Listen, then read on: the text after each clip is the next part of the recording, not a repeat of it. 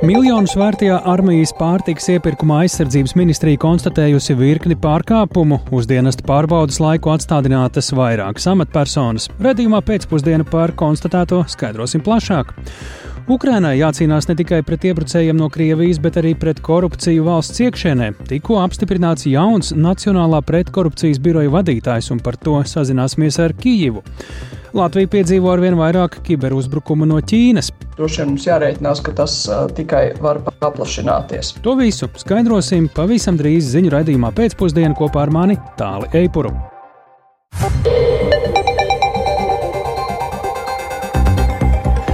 Ir 16,5 minūtes. Skan pēcpusdienas ziņu programma, skaidrojot šodienas svarīgus notikumus. Studijā Tāls Eipurs. Mediķu organizācijas sāka gatavoties ārkārtas situācijai medicīnā. Tā kopīgā paziņojumā pavēstījušas lielākā daļa visdažādāko mediķu organizāciju, kas apvieno ģimenes ārstus, māsas, mediķu, darba devējus, slimnīcas un citus. Ārkārtas situācija draud gan pirmajā, gan ambulatorijā, gan neatliekamajā medicīnā. Mediķa situāciju Latvijas veselības aprūpē sauc par dramatisku un brīdina par smagām sekām. Iemesls - nepietiekams valsts finansējums. Par to informēta gan Eiropas komisija, Eiropas ārstu pastāvīgā komiteja, Eiropas medicīnas speciālistu apvienība, protams, arī saimnes deputāti, valsts prezidents, tiesības sargs. Smagā krīze iestāšoties vēlākais vasarā. Pie mūsu klausos šobrīd Latvijas ārstu biedrības prezidenta Ilze Aizsilniece. Labdien!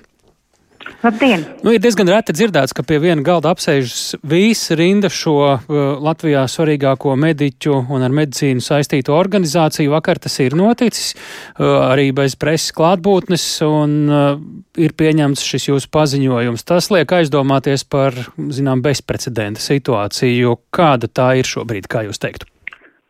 Nu, es domāju, ka tā bezprecedenta situācija jau ir vairākus gadus. Uh, vienkārši mani mūsu kolēģi, eh, ņemot vērā to situāciju, kas bija šo, nu, teiksim, epidemioloģisko ārkārtas situāciju, eh, viņi veica savu darbu. Eh, protams, ka bija šīs Covid piemaksas, kas kaut ko varbūt risināja, bet ņemot vērā to, kā ir augušas energoresursu cenas, kādas ir izmaksas, lai uzturētu slimnīcas, lai uzturētu ārstu praksi, kolēģi saprot, ka ar to paredzēto pieaugumu, kas nākošajā gadā ir pašreiz ieplānots un ne tuvu nav nesadz tās vajadzības, kas ir veselības aprūpē, mēs nezinām, kā sniegt savu palīdzību. Un te nav runa tikai par algām. Algas ir aizgājušas tādā otrajā plānā.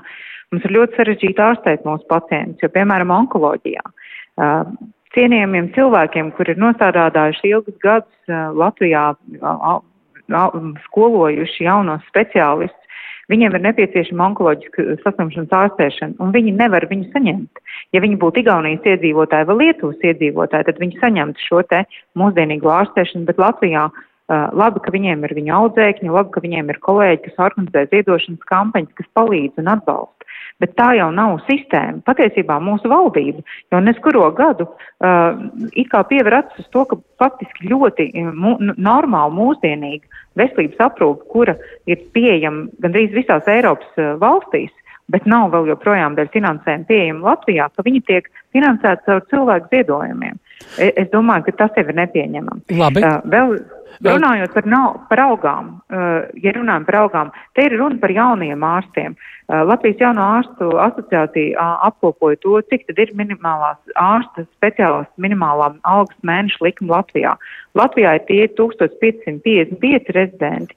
Uh, 555 eiro vecākam rezidentam 1506, bet Igaunijā tie 2721 bet rezidenta alga ir 2521. Nav jāmeklē Vācija, par to mēs vispār nerunājam. Tepat ar Igauniju un Lietuvu salīdzinām savus rādītājus. Jā, tie ir divi ļoti svarīgi piemēri. Es ticu, ka ir vēl. Eh, kā faktos varētu izpausties tas, ko paziņojumā mediķi sauc par smagu krīzi, iespējams jau vasarā, ar, kur tas uh, nu, gāzīsies tālāk? Slimnīca, kas notiks, nu, ja nekas nemainās? Tas, ka ģimenes ārstu prakses, lai viņi varētu nodrošināt, nu, lai varētu samaksāt par augu ir jāsamazina darba laiks. Nu, viņi nevar, nu, teiksim, tad mums nav naudas, lai samaksātu par pilnu darba laiku, par pilnu darbu slogu. Vēl kādu piemēru? Tā ir viena. Problēma. Māsas iet projām no primārās aprūpes, jo mēs nevaram konkurēt, teiksim. Nu, ar nu, viņiem ir izdevīgāk. Mēs, mums atkal redzam to, ka cilvēki, kas atnā, atgriezās, teiksim, pateicoties izmaiņām 18. un 19. gadā,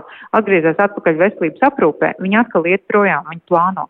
Jaunie ārsti brauc projām. 11% ir pieņēmuši lēmumu ka viņi brauc projām, 25% domā, ko darīt. Jo, viņi, jo nu, cilvēkiem, nu, viņiem ir ģimenes, viņiem ir saknes, viņiem ir vecāki, vecvecāki šeit, lauku mājas, viņi negrib nekur braukt, bet, lai izdzīvot, ir jādodas projām. Patiesībā mūsu valdība. Ģimenes šeit, ārsti, māsas, jaunie ārsti, vēl kas? Ģimenes ārsti, ģimenes ārsti, visi ārsti speciālisti. Mums taču trūkst neiedomāt. Jūs padomājiet to, ka Latvijā ir tikai 3,3 ārstu uz tūkstotis iedzīvotājiem, mm -hmm. kur Eiropā vidēji, tas Lietuvā ir 5, Eiropā vidēji ir 6,5. Ja? Jā, jūs atgādināt paziņojumā, ka jau tagad ir uh, ļoti garas rindas, kas uh, šajā uh, krīzē, kurā jūs gatavojaties, varētu ko tas pacientiem nozīmēt? Nu, pacientiem tas nozīmē, ka viņu rindas būs vēl garākas.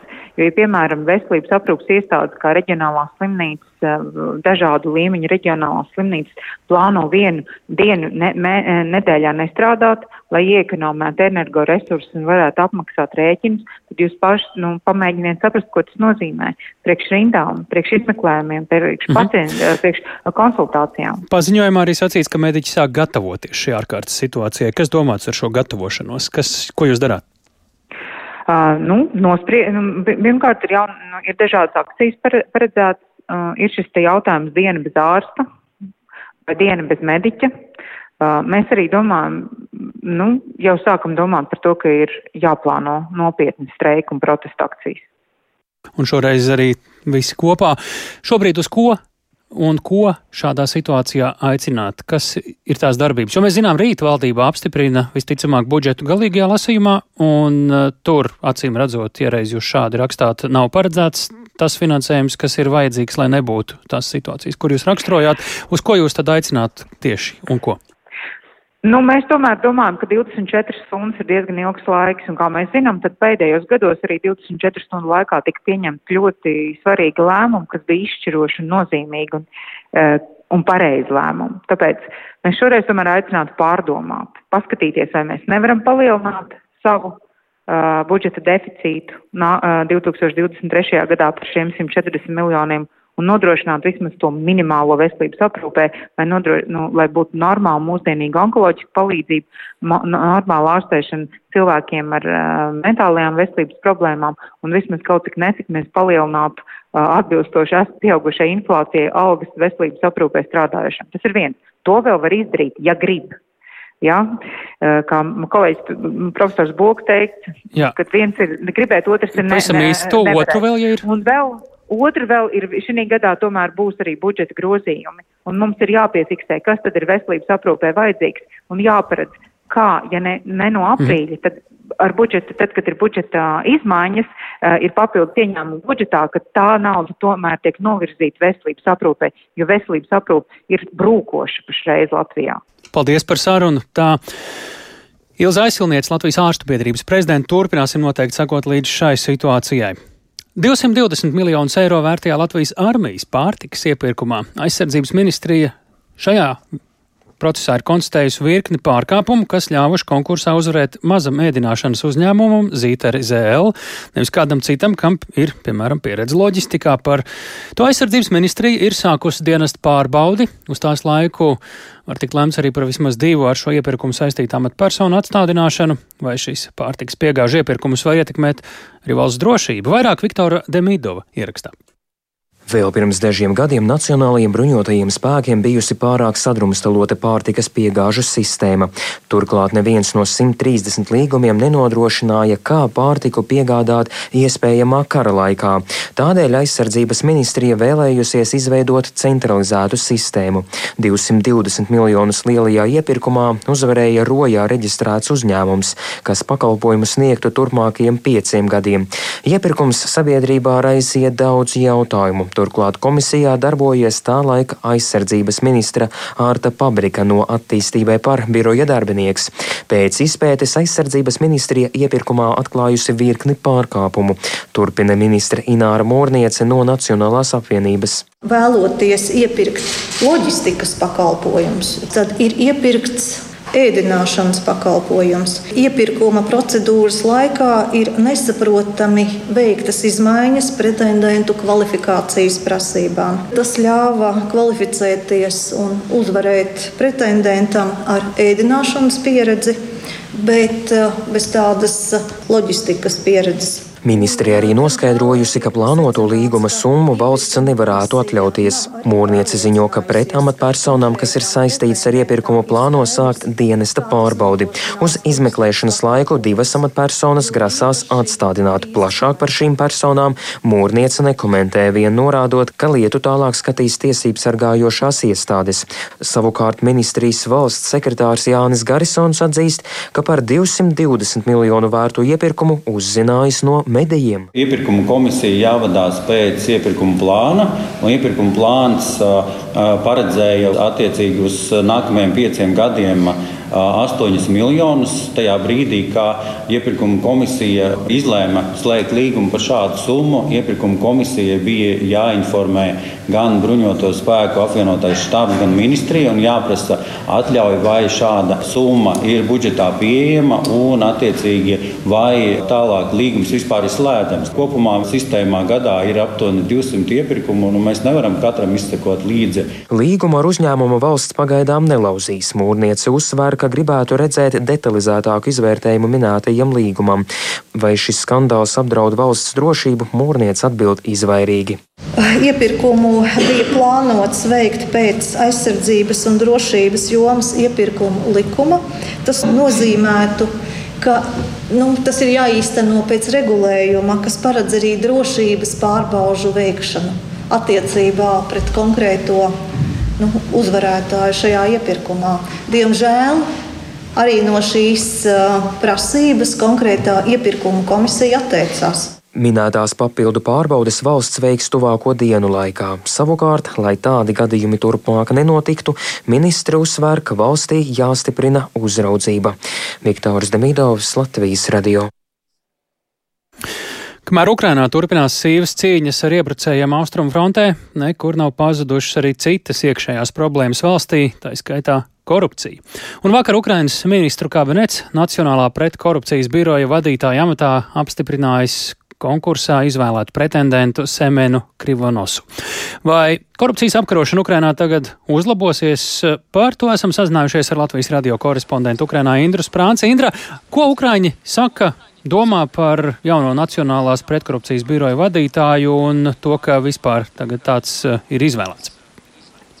Sveiks! Jā, vakar Ukrainas valdība iecēla Krivinos šajā amatā, un tā ir labā ziņa, jo birojas patiešām ilgstoši bija bez vadītāja. Taču jāsaka, ka tās pirmās reakcijas medijos par izvēlēto kandidātu ir diezgan piesardzīgas. Mazliet pastāstīšu par Krivinos. Viņam ir 40 gadi, dzimis Mariupolē, izglītību iegūs agronomijā un valsts vadībā.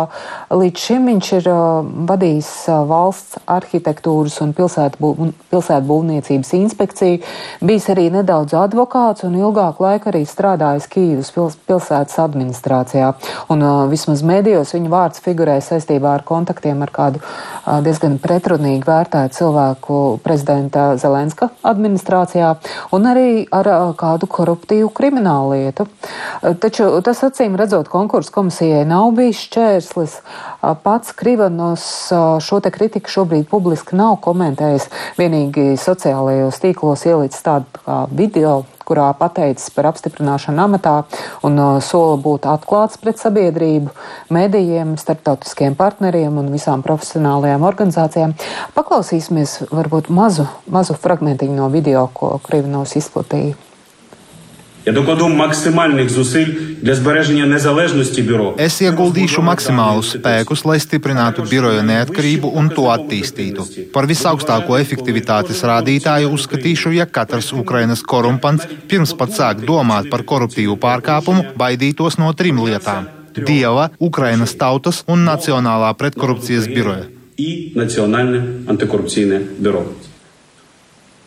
Jā, un interesanti, ka vakar jau pēc Krivinos apstiprināšanas Ukrainas premjers Denis Šmihais jauno vadītāju aicināja Krivinos mm, pieņemt par saviem vietniekiem, tātad pieņemt par saviem vietniekiem birojā divus pārējos konkursants, kas palika aiz strīpas, bet kas tika līdz finiša taisnē.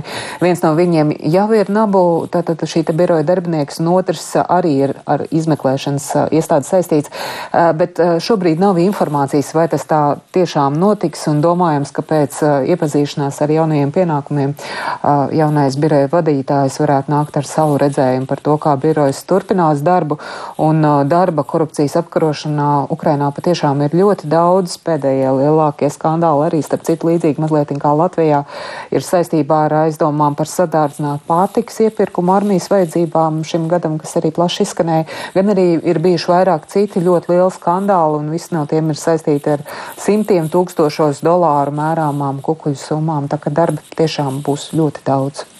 Un šī ir ļoti, ļoti svarīga cīņa Ukrainai. Paldies, sakām mūsu korespondentei Ukrainā Indrai Sprāncei. Un sasaistot Ukrainu tepat ar Latviju pirms gada. Tieši 7. martā kongresa namā durvis vēra atbalsta centrs Ukrainas civiliedzīvotājiem, kuri no kara izvēlējās patvērties Latvijā. Telpas kopš tā laika jau divreiz ir mainītas, bet palīdzība neapstājas. Par to, kā sākās šī centra darbs pirms gada, kā tas rīt šobrīd, vairāk stāsta Ieva Puķa. Palīdzību un informāciju Rīgas atbalsta centrā Ukrainas civiliedzīvotājiem gadu pēc kara sākuma ikdienu joprojām meklē ap 800 ukraiņu. Gan tādi, kuri jau šeit dzīvo, gan arī cilvēki, kas tikko ieradušies Latvijā. Reģistratūrā brīžiem pat veidojas rinda. Tur cilvēkus uzklausa Aleksandra, kura pati ar sešgadīgo meitu no Krivīrihas Ukrainas vidienē ar gadījuma transportu Latvijā iebrauca pirms gada 4. martā, bet 7. martā aizgāja uz kongresa namā operatīvi iekārtoto bēgļu centru reģistrēties. Atmosfēra bija hausa, nu, наверное, в наших головах. Atmosfēra bija īsts hauss. Droši vien tas visvairāk valdīja mūsu galvā. Mēs nezinājām, ko sagaidīt, kāpēc esam šeit ieradušies, kas mums vispār jādara. Что, что будет? Vai ilgi stāvējāt rindās? Tā, celi dienu. Jā, visu dienu. Sākām 7. datumā no rīta pēc centra atklāšanas un beidzām 8. martā 6. vakarā. Bet visu paspējām. Citiem nācās iet tur vairākas dienas. Cilvēku daudzums bija vaiprātīgs. Visi ar bērniem, visi raud, skrien uz visām pusēm. Aleksandra ar meitu Latvijā divas dienas bija gulējusi radinieka mašīnā. Ukrainas iedzīvotāju atbalsta centrā pie viņas pienākusi brīvprātība brīvprātīgā un piedāvājusi naktsmājas. Tagad Ukrāņu sieviete, kas pēc izglītības ir metālurģijas inženiere, bet Ukrainā strādājusi tirzniecībā, pati palīdz citiem kara bēgļiem. Kas joprojām neļauj apsīkt bēgļu straumei, jautāju. Zima, tam не так холодно. Zimu пережить там можно. Там проблема в том, что... Tur nav tik augsts, pārziemot var. Problēma ir tāda, ka lido raķetes un vecāki ļoti pārdzīvo par bērniem un baidās par savu dzīvību. Ir arī tādi, kuriem vairs nav māju, kuriem tās ir sagrautas. Tie brauc šurp. Pirms gada 9. martā Ukrainas iedzīvotāju atbalsta centrā ieradās arī tagadējais direktors Pēteris Grūbe, kam pirms tam bija ilga darba pieredze patvērumu meklētāju centrā Mucenieki. Viņš tikko bija atgriezies Latvijā no Rumānijas, kur steidzās palīgā Ukrāņu sievietēm un bērniem, kuru mašīna bēgot avarēja. Bija tāds viegls uzaicinājums, kad, lai es atnāktu apstīties, kas te kaut kas tamā darās. Nu, jā, nu, tas skats pirmais, protams, bija diezgan šokējošs. Pats fakts bija šokējošs. Arī tās pirmās cilvēku grupas, visas tās sejas un, un, un ko katrs tur pārdzīvo, to jau redzi. Krīzes menedžments, nu, tas bija, jā, tā, tas bija, pirmkārt, tas bija mēra birojas, kas ļoti aktīvi tajā iesaistījās. Nu, praktiski tas bija tas pašvaldības tas labais piemērs, ka to var. Centrs šobrīd apvieno 13 valsts pašvaldību un nevalstisko organizāciju pārstāvniecības. Līdz februāra beigām Rīgā reģistrēti 20,982 ukraiņu bēgļi, tātad puse no visiem, kas reģistrēti Latvijā. Šodien uz centru kāds labvēlis atnesis torti, bet tās nebūšot gada jubilejas svinības, jo iemesls ir ļoti skumjš. Ieva Puķa, Latvijas radio. Krievijas plašais iebrukums Ukrainā dzīvi Latvijā ietekmējis arī citos veidos. Pie mums fiksēti krietni vairāk kiberuzbrukumu no austrumu valstīm. Valsts pārvaldes iestādēm to bijis par pat četrkārt vairāk, tā ziņo kiberdrošības iestāde CERTLV. Kiberuzbrukumu sekas lielākoties bijušas īslaicīgas, taču kopumā secinājumi par kiberdrošības politiku valsts pārvaldē nav glaimojoši. Jānis Kīns stāsta par to vairāk. Sveiks, tēls, sveicināti klausītāji. Jā, saimnes iekšējās drošības apakškomisijas deputāti šodien pievērsās aktuālajiem notikumiem valsts kiberdrošībai un gatavībai ar tiem cīnīties. Un īsumā pagājušais gads informācijas tehnoloģija drošības incidentu novēršanas institūcijai CERTLV bija saspringtākais kopš dibināšanas. Un, uh, tam tieši sakars ar Latvijas pārliecinošajām reakcijām saistībā ar Krievijas iebrukumu Ukrainā. Šo pašu iemeslu dēļ līdzīgi no novērojumi ir arī Lietuvā un Polijā, bet daudz mazāk tālākās Eiropas valstīs.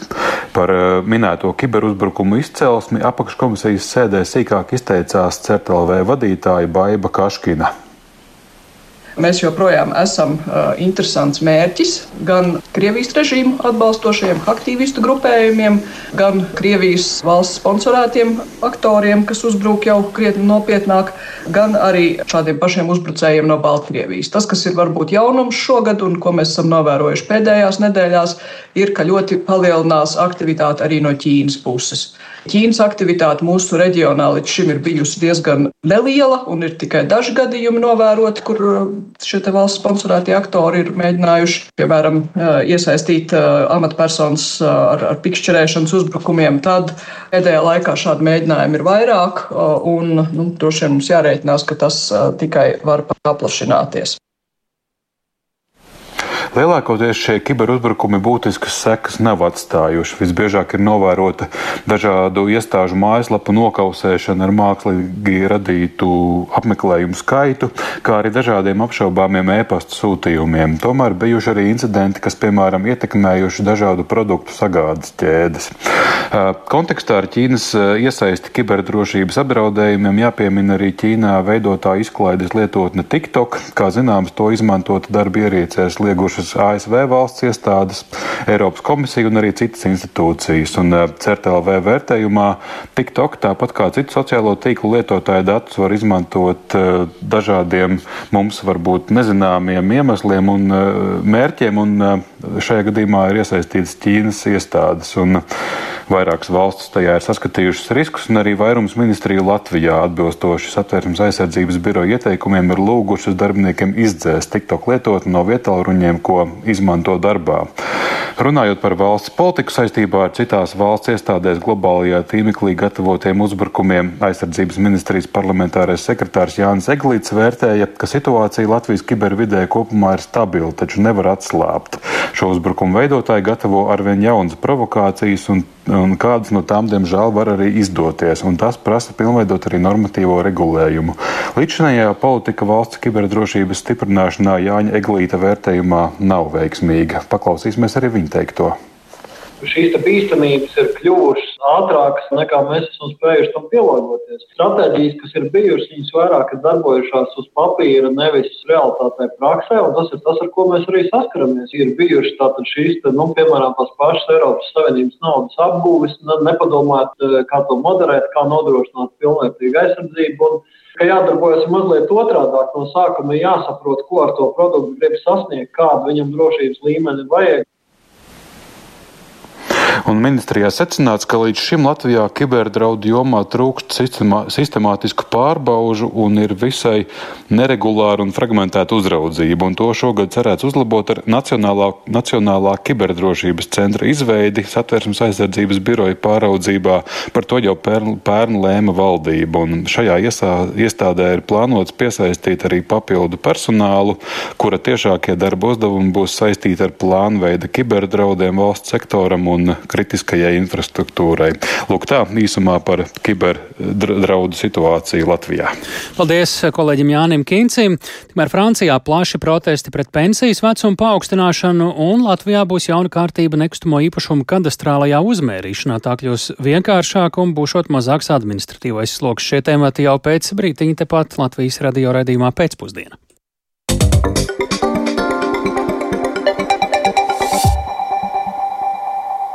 Francija šodien ir pārņēmuši plaši protesti pret pensiju reformu. Arotbiedrības uzskata, ka pensionēšanās vecuma celšana no 62 uz 64 gadiem pārāk smagi skaršot nabadzīgos iedzīvotājus, kuri agri sākuši darba gaitas un strādā fizisku darbu.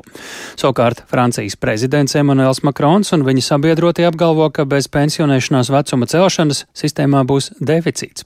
Esam sazinājušies ar mūsu Briseles korespondentu Arķam Konohu. Arķam, mēs zinām, ka Arotbiedrības ar protestiem vēlējās savā ziņā paralizēt dzīvi Francijā, vai var teikt, ka tas šobrīd notiek un izdodas?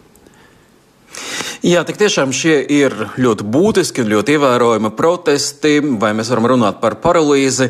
To droši vien katrs var vērtēt pats, un es domāju, tie vērtējumi arī atšķirsies. Tomēr ir skaidrs, ka piedalās ļoti plašs cilvēku lokus. Tie nav tikai transporta darbinieki, kas ļoti aktīvi parasti piedalās dažādās protesta akcijās, bet arī avio dispečeri. Ir zināms, ka ir atcelti dažādi arī starptautiskie vilcieni, starptautiskie avio reisi ir atcelti gan Lielbritāniju, gan ar Beļģiju savienojumu ātrgaitas vilcieniem. Tas viss ir ietekmēts. Protams, piedalās arī ļoti daudz citu profesiju pārstāvju, tostarp ir traucēta arī degvielas piegāde, jā, līdz, jo jā, naftas pārstrādes rūpnīcu darbinieki piedalās arī šajos protestos. Un galvenais, kas nav skaidrs, nav skaidrs, cik ilgi tas viss varētu turpināties, jo arotbiedrības uzskata, ka ir pienācis brīdis tam, lai akcijas turpinātos vairākas dienas pēc kārtas, jo citādi viņu prāt valdība nesaprot viņu galveno vēstījumu. Kā arotbiedrības pamato to, ka pensiju sistēma Francijā var izdzīvot arī bez šīs valdības iecerētās pensionēšanās vecuma celšanas? Jāsaka, ka šeit tiešām ļoti atšķiras vērtējumi par to, cik kritiskā stāvoklī pašreiz atrodas Francijas eh, pensiju sistēma. Valdība un eh, Francijas prezidents Emmanuels Macrons saka, ka bez vecuma celšanas, celšanas no 62 uz 64 gadiem eh, būs sistēmā būs deficīts un pensijas sistēma tāda, kāda tā ir Francijā, nevarēs atļauties. Savukārt arotbiedrības saka, ka neliels iemaksu pieaugums jau pats par sevi varētu atrisināt risināt eh, šo problēmu, un eh, tādēļ varētu izvairīties no eh, vecuma celšanas no 62 uz 64 gadiem. Un tamdēļ viņi saka, ka tiešām ir citi risinājumi, ka vecuma celšana nav vienīgais iespējamais risinājums, kā novērst tās problēmas, kādas pensionēšanās sistēmā pastāv, un atšķiras arī tas vērtējums, cik nopietnas ir šīs problēmas. Un, paklausīsimies tūlīt Parīzes sabiedriskā transporta darbinieku arotbiedrību sabiedrības pārstāvi Aleksu Luvē un to, kā viņš vērtē līdzinējo pieredzi un streiku pamatotību. Euh, Sešus mēnešus notika pseido sarunas starp valdību un arotbiedrībām, bet valdība nevēlas ieklausīties. Kaut gan arotbiedrības ir pilnībā vienotas, viņi nevēlas dzirdēt mūsu galveno vēsti, ka šī reforma netiks pieņemta. Protestu pastiprināšanās ir tas, ko valdība vēlas. Tas maksās dārgi. Tas maksās dārgi gan politiski, gan arī ekonomiski, jo katra vispārējā streika diena maksā uzņēmumiem no pusotra līdz diviem miljardiem eiro. Tā kā izmaksas tiešām ir pamatīgas, šobrīd par šo likumprojektu, šo reformu tiek spriests eh, Francijas eh, senātā, un pašreiz izskatās, ka um, tomēr varētu notikt balsojums, bet, protams, šī reforma arī ļoti pretrunīgi tiek vērtēta arī politiķu vidū. Tāli. Paldies, Tārķams Konohaus, Latvijas radio korespondents Briselē, bet šobrīd mēs esam sazinājušies arī ar pašu Pārīzi. Tur jau eh, ilgākus gadus eh, dzīvo Birta Zujāna, savulaik arī mūsu Latvijas radio žurnāliste. Labdien! Labdien! Eh, Birut, jūs dzīvojat, cik noprotams, pat diezgan tuvu, nu vismaz Parīzes gadījumā, tādām galvenajām vietām, kur ir gaidām šis mītiņš vai protesti. Mm, kāda ir tā situācija? Es saprotu, pagaidām vēl var teikt, ka pirms uh, notikumiem.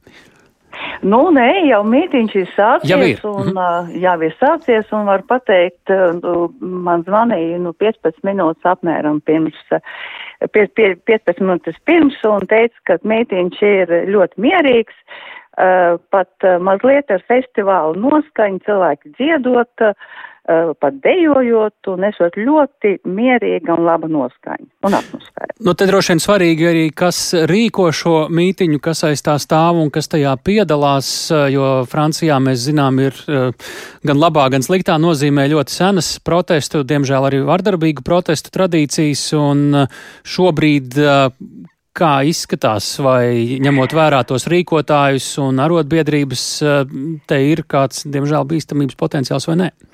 Ziniet, jebkurā mītiņā ir arī provokācijas, protams, bet tā kā tas ir labi organizēts, jo tas ir apvienotās, cik es zinu, es neesmu par šobrīd mītiņu vietā, ja, var teikt, ka es apmēram 10 minūtes kājām ejot no placitaļi, kur, kurai, kur ir, tā var sakot, tas ir liels, liels laukums ar sešām uh, uh, avēnijām, kas, uh, kas attiec uz, uz visām pusēm, jā, zvaigznes principā.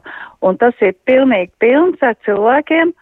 Un uh, kā jebkad uh, ir provokatīvi spēki, jā, ir arī tādi, kas to uztver kā mazliet izklaidi, bet tā kā tas tiek organizēts tomēr apvienoto arobiedrību līmenī, jā, tad, nu, viss tiek, cik es saprotu, regulēts un tā arī ir.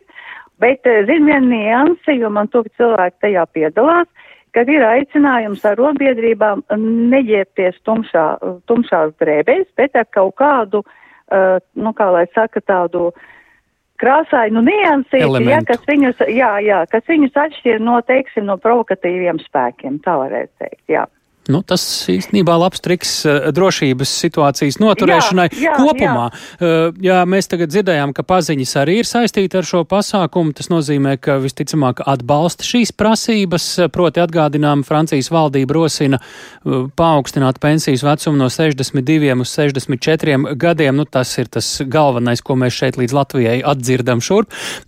Kopumā tā sabiedrības noskaņa un attieksme pret gan šiem protestiem, gan arī pret pret eh, viņu prasībām, kā varētu teikt? Kopumā ir, ziniet, nu, es te teiktu tā, kas, kas ir apkārt un kā es jūtos Parīzē, es jūtos droši un mierīgi šobrīd, jā. Ja? Eh, ir, protams, gatavojas, eh, piemēram, tuvākajā rādījusā, es nezinu, cik tur varbūt eh, puskilometru rādījusā varbūt, jā, ir lo, dažiem veikaliem ir loga aiztaisīts, iet bankām ir aiztaisīti ar finieri arī skatlogi, jā, bet veikaliņi strādā un, un, un, un ir, piemēram, neliela, ir liela slimnīca blakus, kur arī strādā, bet viņi ir solidā, solidāri ir izlikuši karogus laukā protesta akcijai, jā.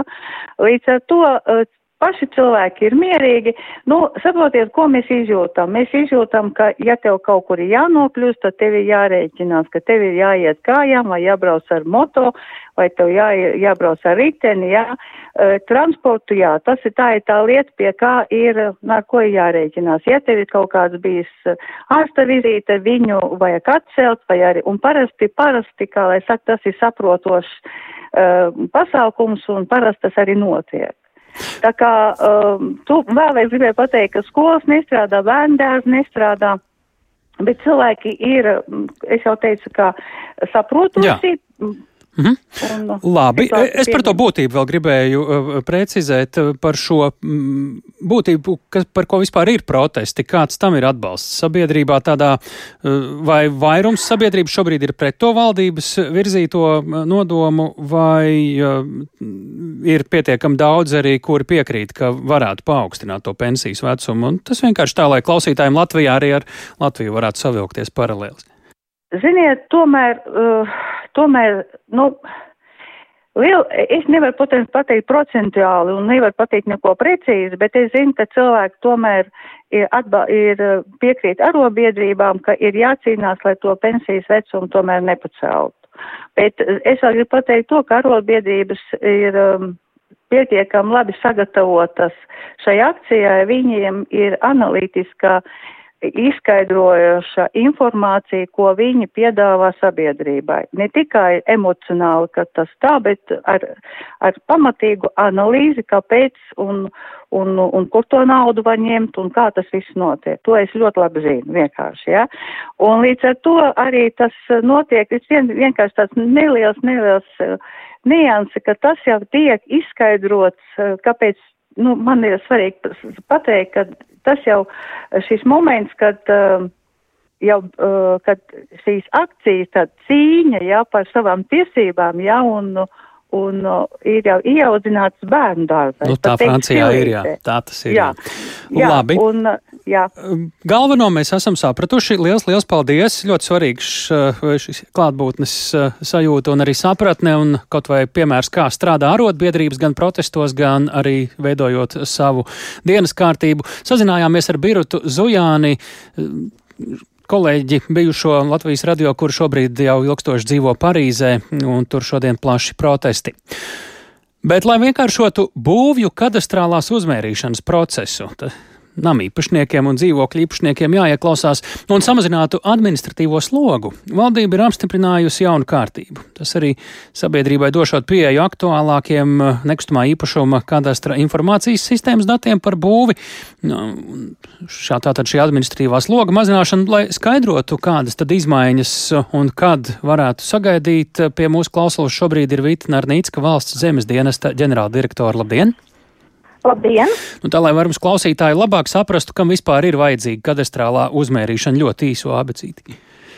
Tātad kadastrāla uzmērīšana ir vajadzīga tā, lai mēs varētu uh, atkal izmantojumā digitālā veidā izveidot telpu plānus, uh, pieglabāt un piefiksēt valsts registros un pēc tam daudziem, daudziem citiem, citiem projektiem izmantot.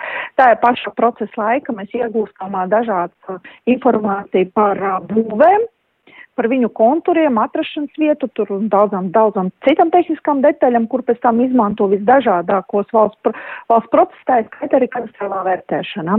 Mhm. Kāpēc šobrīd ir vajadzīgs vispār kādas pārmaiņas un tieši šīs pārmaiņas kadastrālās uzmērīšanas procesā? Jā, nu, noteikti pārmaiņas, kas mazina administratīvo slogu, vienmēr ir labas un pozitīvas, bet mūsu gadījumā tas arī saistīts ar to, ka visi ir dzirdējuši, ka ir rings uz šo pakalpojumu saņemšanu. Un, Cik tagad ir garas? Tagad viņas ir ļoti atkarīgs no reģionas, bet var sasniegt pat gadu. Jā, labi, tālāk. Mēs noteikti, un mēs noteikti gribam viņu mazināt tādā veidā, ka panākot, ka tomēr mēs likumā noteiktajā kārtībā spējam veikt to, veikt to šo konkrētu pakalpojumu. Un ir skaidrs, ka ir lietas, ko mēs darām, kur ir pievienotā vērtība un kur nav pievienotā vērtība, kur mēs arī redzam, kur mēs varam uzticēties um, arī privātai sektoru vai būvniecības procesā radītiem datiem un vienkārši viņus reģistrēt, un kas ir daudz, daudz reizes ātrāk. Viens piemērs? Uh, ļoti viens uh, vienkārši piemērs. Um, ceļš, būvējam ceļu, jo tieši šiem mēs kā ceļu, uh, uzbūvē ceļu, jebkurā gadījumā pabeidzot būvniecību, uh, ceļu īpašnieks tāpat veic uh, izpildu mērījumu saucās šo procesu. Uh, pēc veciem noteikumiem gājam un pēc tam pa virsmu tam pārmērījam paši. Mums nav pamata neusticēties šiem e, geodezista veiktiem mērījumiem. Mēs vienkārši paņēmām šo datu iereģistrējam un ātri, ātri vien atrisām.